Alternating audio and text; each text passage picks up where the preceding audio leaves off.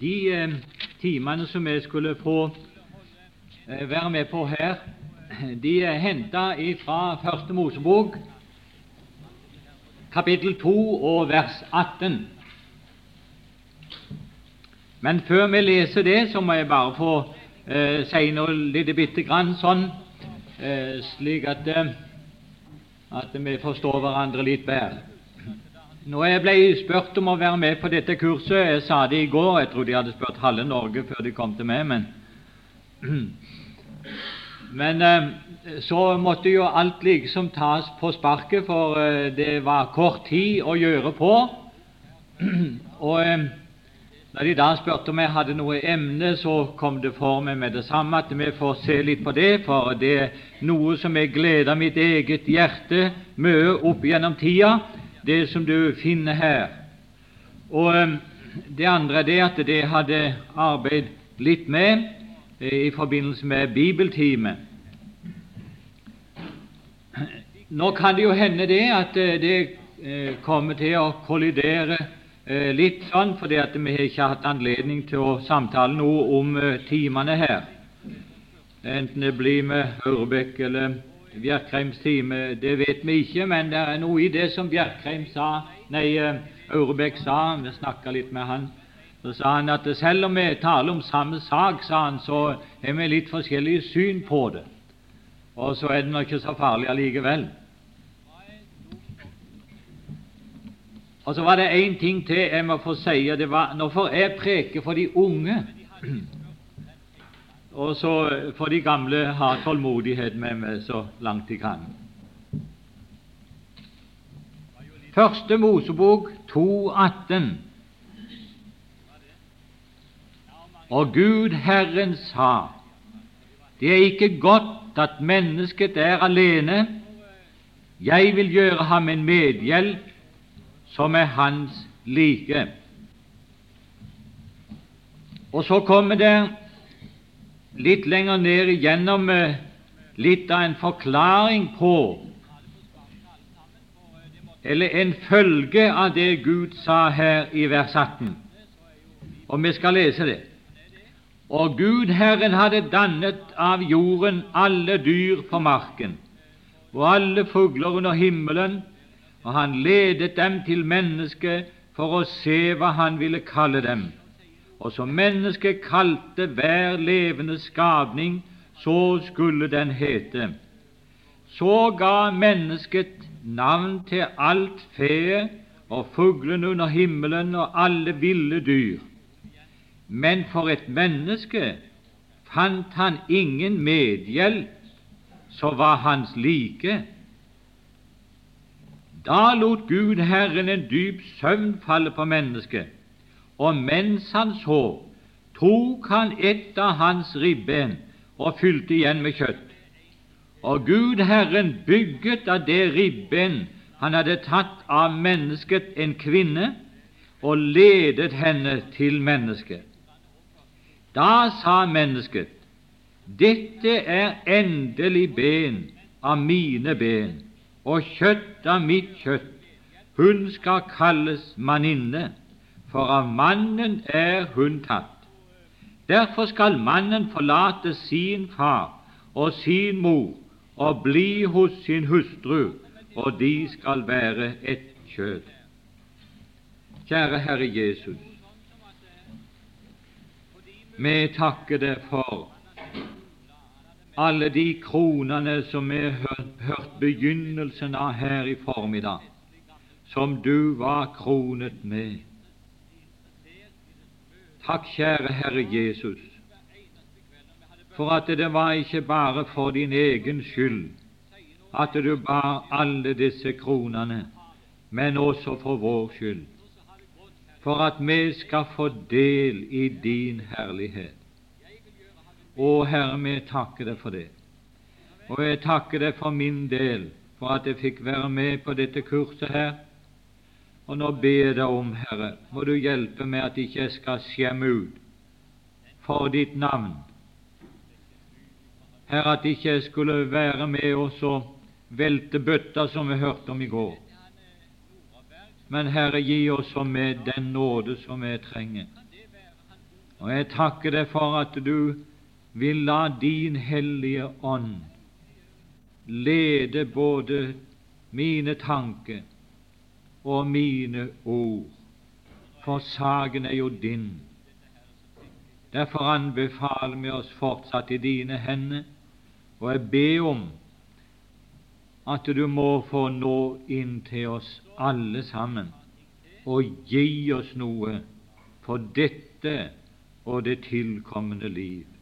Amen.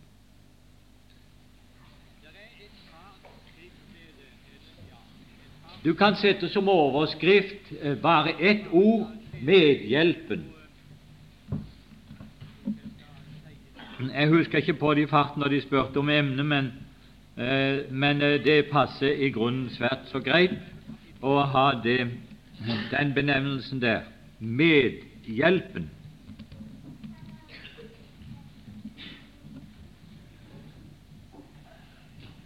Det er godt for min del å tenke på at medhjelpen som eh, Ja, vi kunne vel ta med oss eh, et skriftsted til å begynne med, så, eh, så er den saken nokså klar, tror jeg.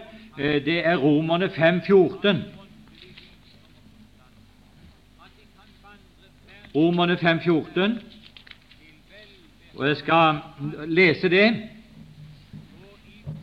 Men allikevel hersket døden fra Adam til Moses, også over dem som ikke hadde syndet, i likhet med Adams overtredelse, han som er et forbilde på den som skulle komme.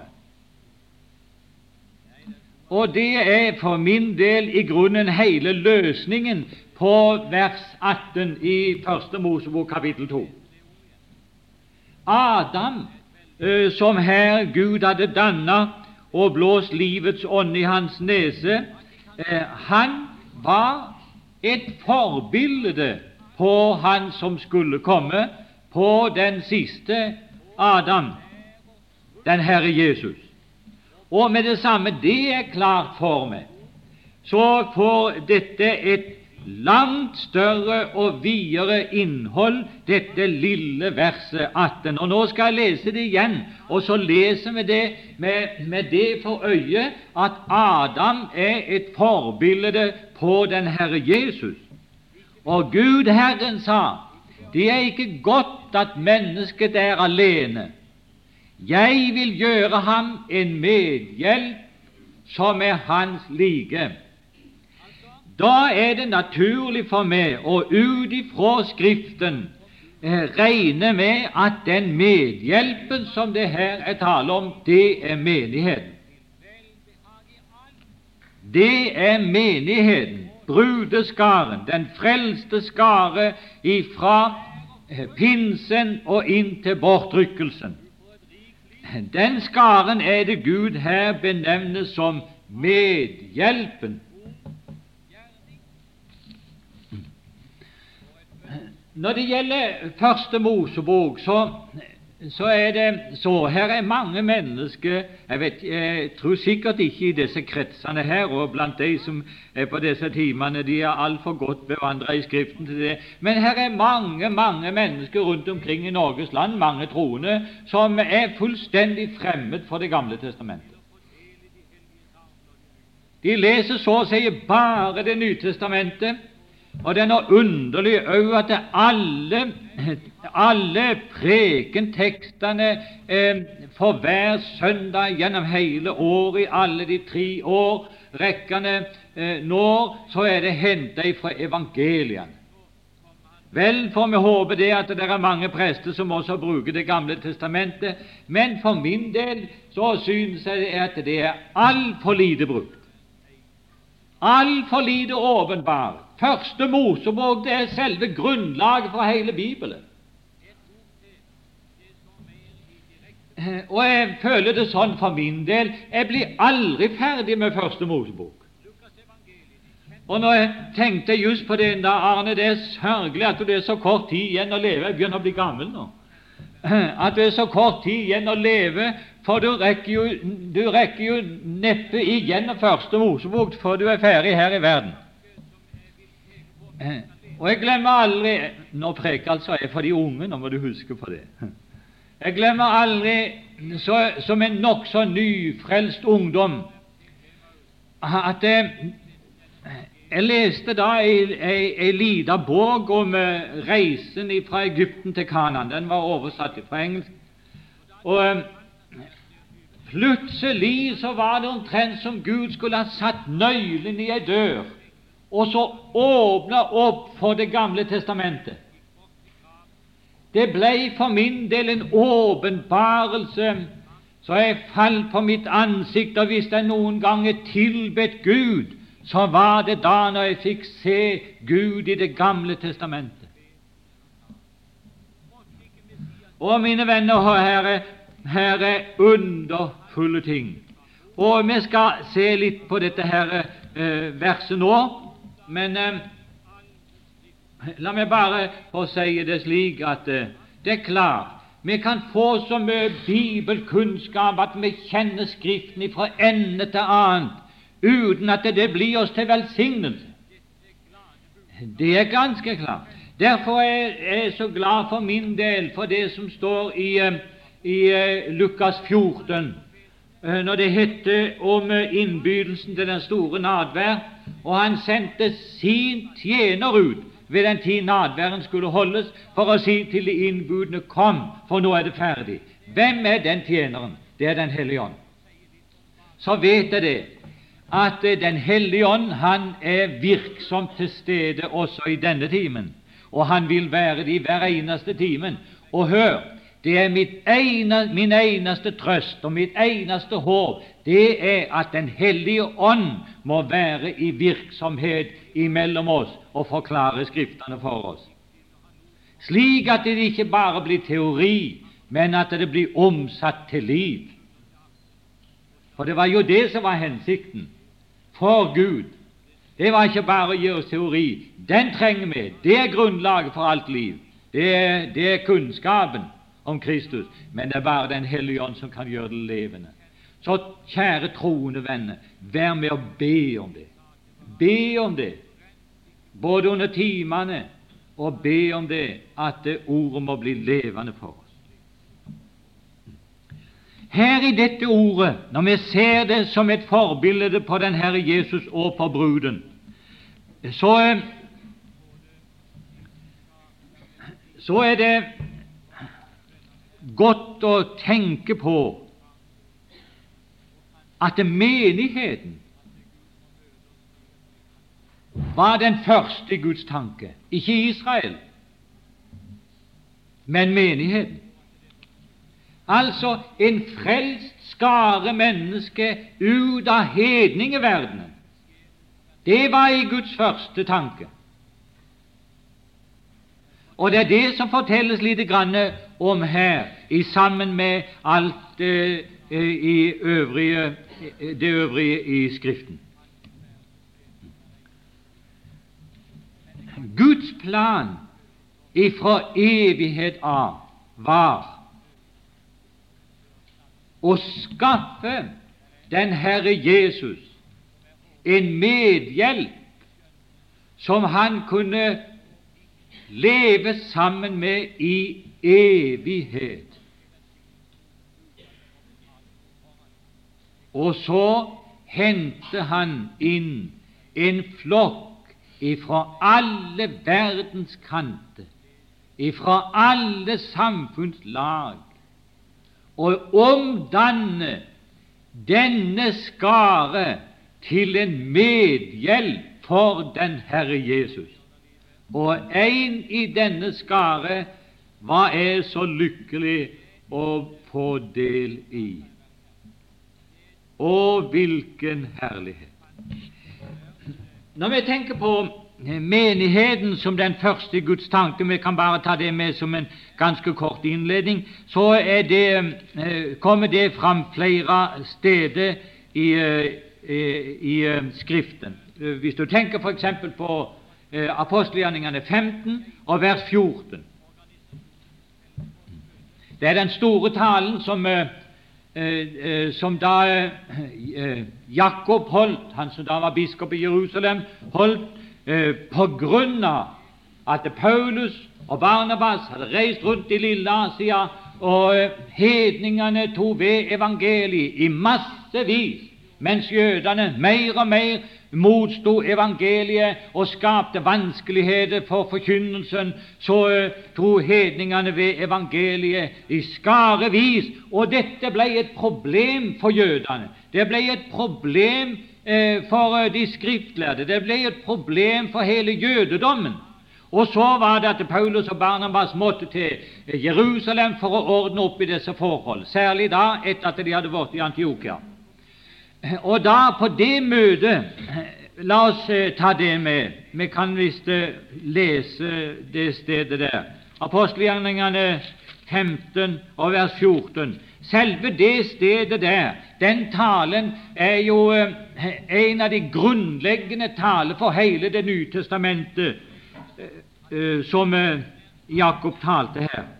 Og da de holdt opp å tale, altså Barnabas og Paulus, da de holdt opp å tale, tok Jakob til orde og sa, Brødre, hør på meg. Simon har fortalt hvorledes Gud fra først av dro omsorg for å få et folk av hedninger for sitt navn.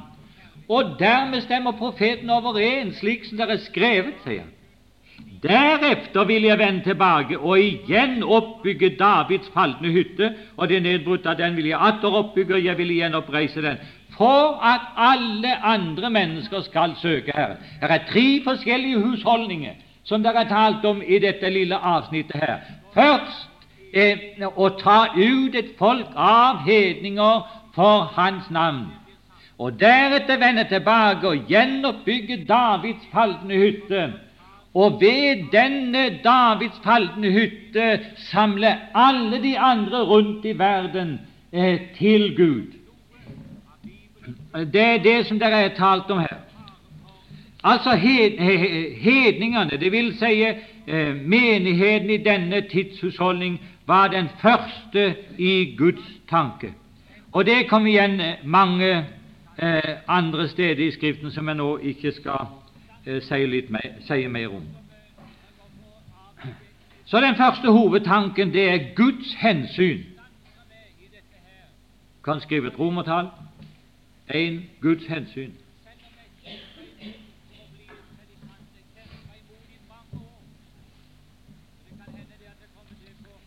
Det er ikke godt, sa Gud, at mennesket er alene. Jeg vil gjøre ham en medhjelp som er hans like.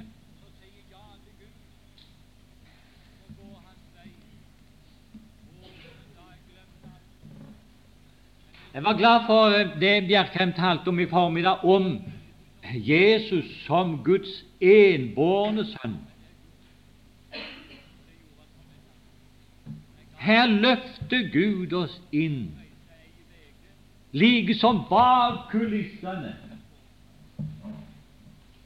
Før verden er skapt, og fortell oss noe om det som hendte før det var skapt et menneske. Før denne kloden var dannet, så forteller Gud oss gjennom dette forbildet om sine tanker og sitt mål med å skape mennesket og danne en brud for den Herre Jesus.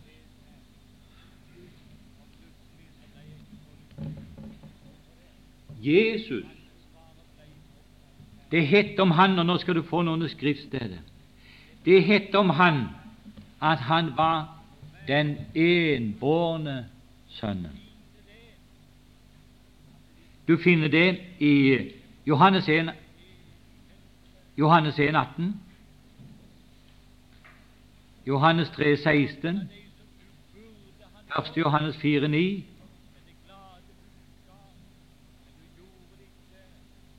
Johannes 1, 18, Johannes 3, 16, 1. Johannes 4, 9.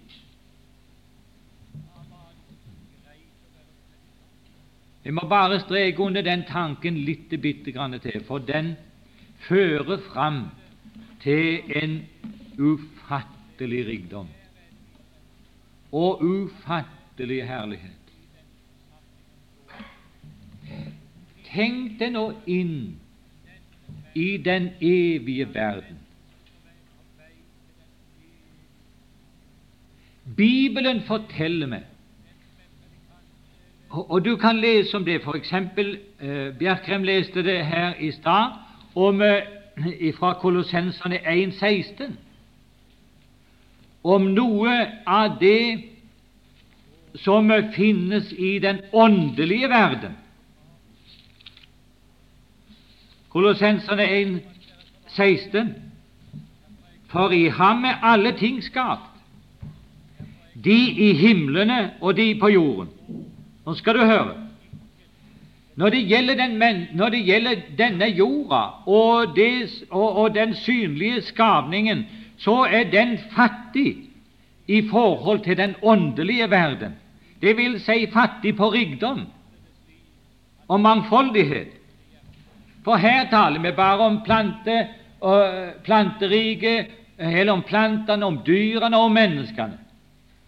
I den åndelige og evige verden så heter det slik For i ham er alle ting skapt, de i himlene og de på jorden, de synlige og de usynlige, enten det så er troner eller herredømmer eller makter eller myndigheter.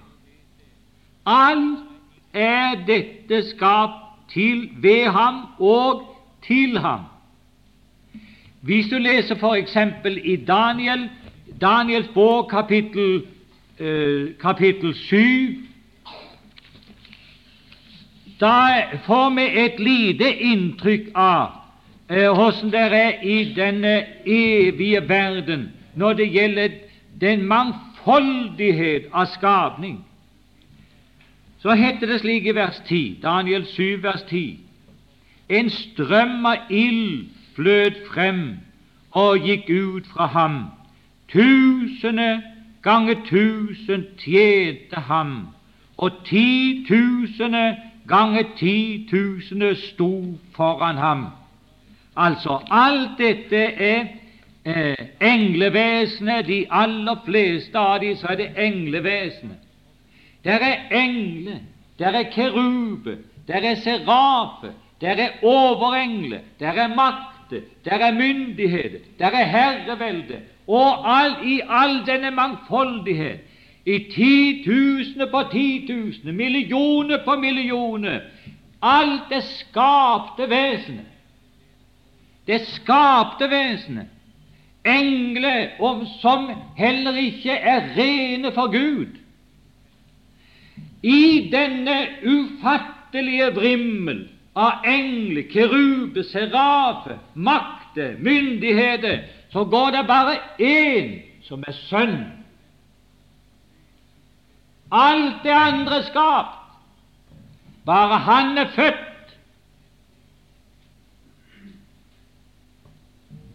Da aner vi litt mer av hva, hva uttrykket 'den enbårne sønn' er for noe.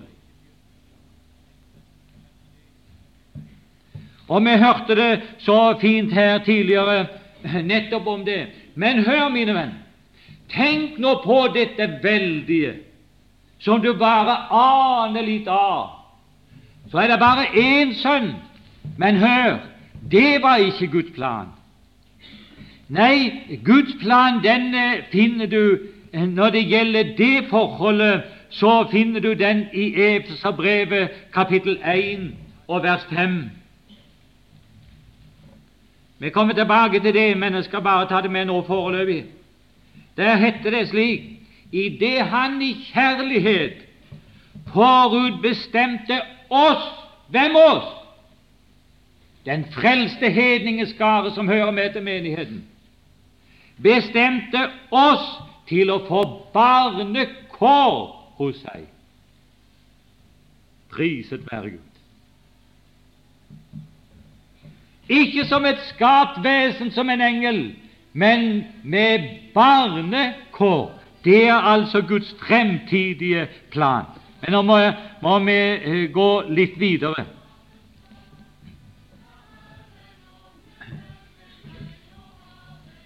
Hvis du eh, noterer noe av dette, så kan du notere A under, det, under eh, et ett-tall, hvis du eh, vil ta med alt dette her. Det er ikke godt for mennesket å være alene. Først har du altså romertall, to, romertall 1, Guds hensyn. Under det kommer det et ett-tall. Det er ikke godt for mennesket å være alene. Nå får du forkorte så mye du kan, for vi må gå fort for å rekke gjennom noenlunde. A. Kristus var den enbårne sønn. Og Der har du fått skriftstedene til det.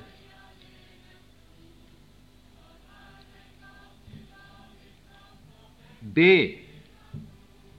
Menigheten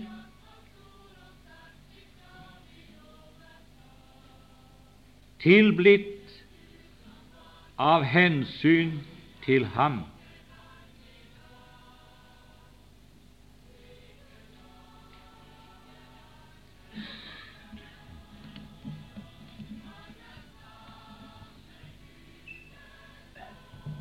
Det første av mitt kristenliv så var jeg veldig mye i kamp når det gjaldt min bevarelse.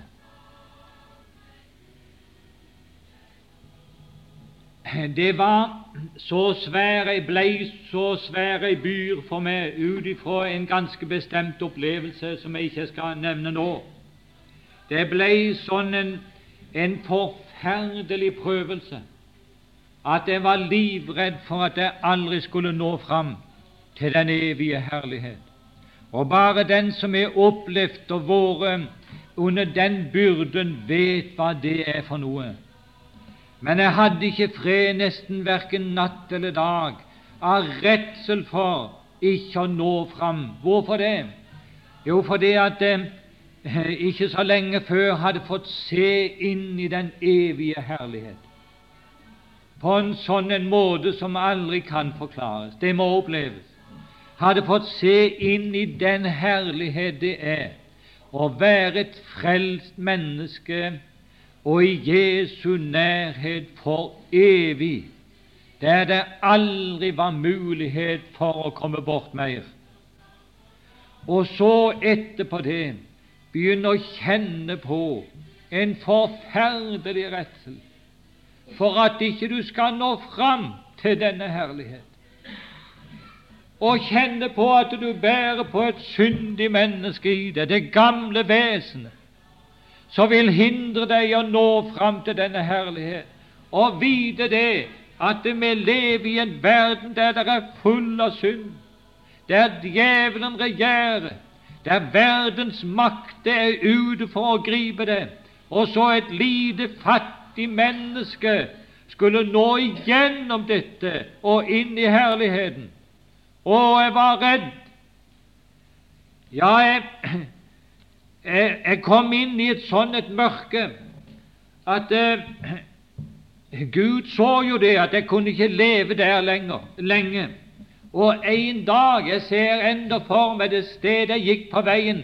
En dag så kom Gud, og så løste Han meg ut og velta byra mine skuldre.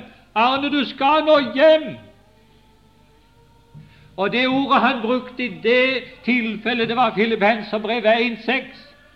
Jeg glemmer det aldri. Jeg er fullvis på at Han som begynte en god gjerning i eder, vil fullføre den inntil Jesu Kristi dag. Og det er den dagen som han henter sine hjem, også meg. Jeg er fullvis på, sa Paulus.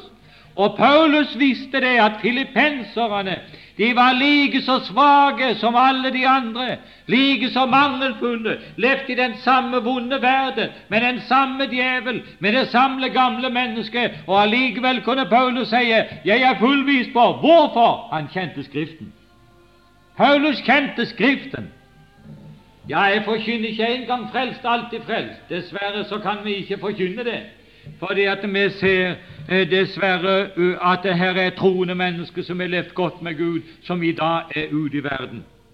Men for min personlige del så ble det Istedenfor ei byrde så ble det ei løftestang som ga meg frimodighet til å vandre videre i verden, frimodighet til å være til hjelp for andre mennesker.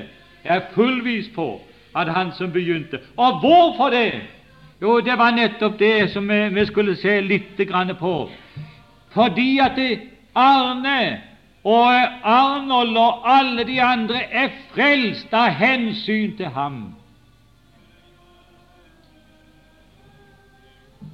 Av hensyn til ham.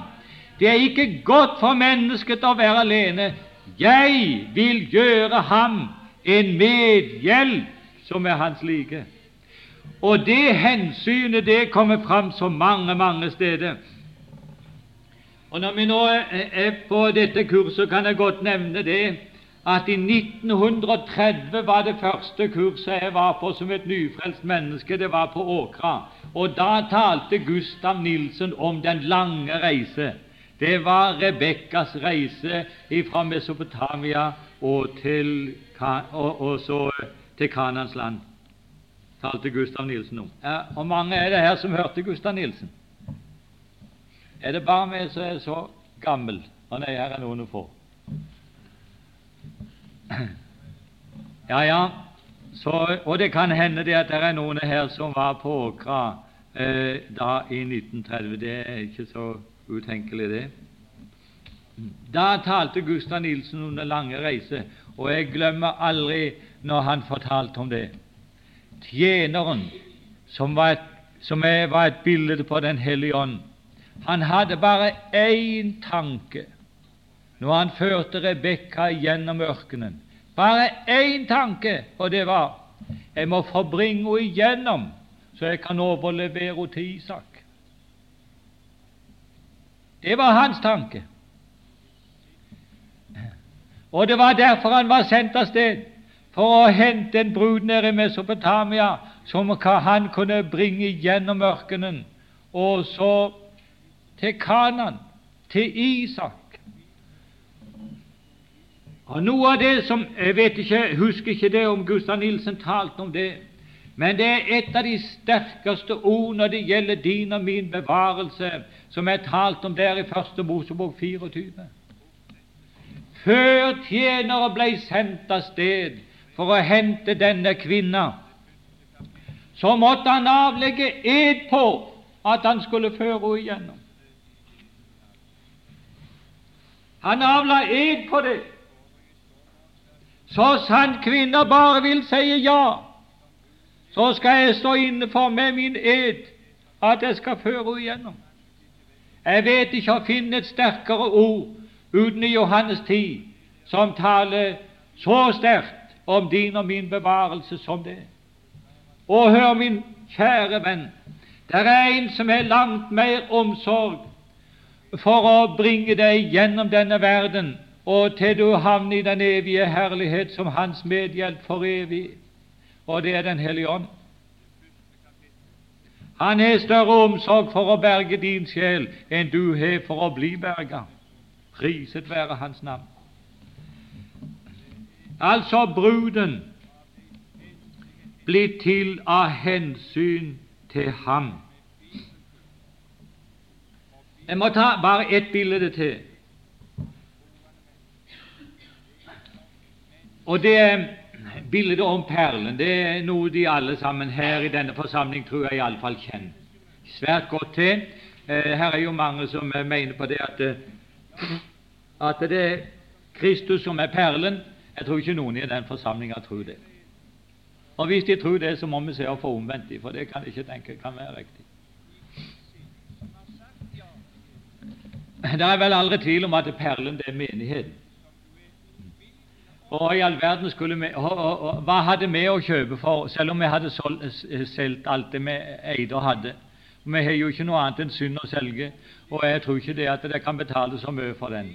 Nei, så vi får ikke, ikke stor kapital for å kjøpe Kristus eh, når det kommer til stykket. Jeg tror ikke det. Nei, men når vi snur det rundt på den rette måten, så, ja, så blir det rett. Det var som han sa, sand, gamle Sandvann, en forstander hjemme hos oss. Han sa eh, Det var begynnelsen som var gal, sa han, og det er det hos så mange. Det, det er begynnelsen som er gal. Når jeg begynner å klippe vesten, sa han, på denne måten, sa han, da blir det gal hele veien, sa han. Ja. Når begynnelsen er gal, så blir det galt hele veien. Jeg noterte meg fire ting om perlen som du skal få uh, bare sånn, helt i, i, sånn, uh, i en fart. Den avspeiler himmelen, det var det ene. Det andre perlen taler om enhet. Ja, bare én perle. Han fant én kostelig perle. Det var ikke det jeg skulle egentlig ha fatt i. Men nå kommer det. Perlen er bare til som et smykke. Kan ikke bruke den til noe annet. En diamant kan du skjære glass med, og den kan du bruke til smykke. Men det kan du ikke med ei perle. Du kan ikke skjære glass med perler. Nei, den er egnet bare til én ting, og det er til smykke. Ja, og Det fjerde du kan få det med, det fjerde er at um, den er født under smerte. Så nå har du nå, nå har du en preken på fire punkter. Nå kan du gå og holde den i nabobygda her.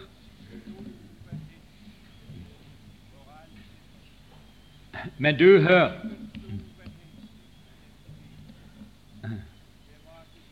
Her er noen enkelte damer som har perler rundt halsen. Det, ikke, det var ikke mange. Det var ikke mange. Her finnes noen. Eh, er det du har det perlebåndet på deg for? Er det for å vise at du har sånne veldig fine perler? Ja, kona mi jo fikk et, eh, et perlebånd med ekte perler. Eh, det var kostbart òg, det. Men Ja, jeg skylder å si at det var ikke meg som kjøpte det, det òg.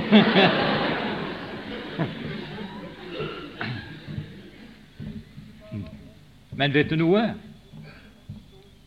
Nei, hvorfor bærer de et perlebånd?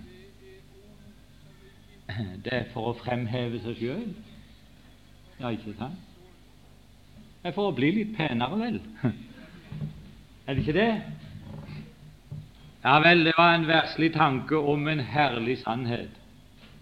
Du, når menigheten er framstilt som en perle, så vet jeg det det er nesten ikke til å snakke om engang. En dag så skal vi være med og fremheve Hans skjønnhet.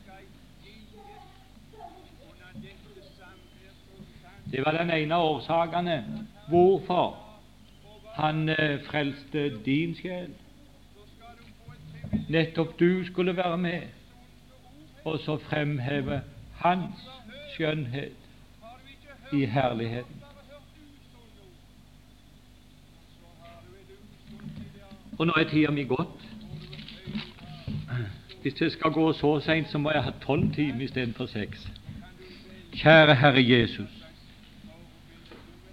vi priser ditt navn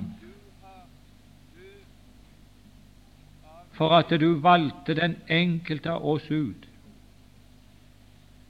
Ikke han gro, men én for én.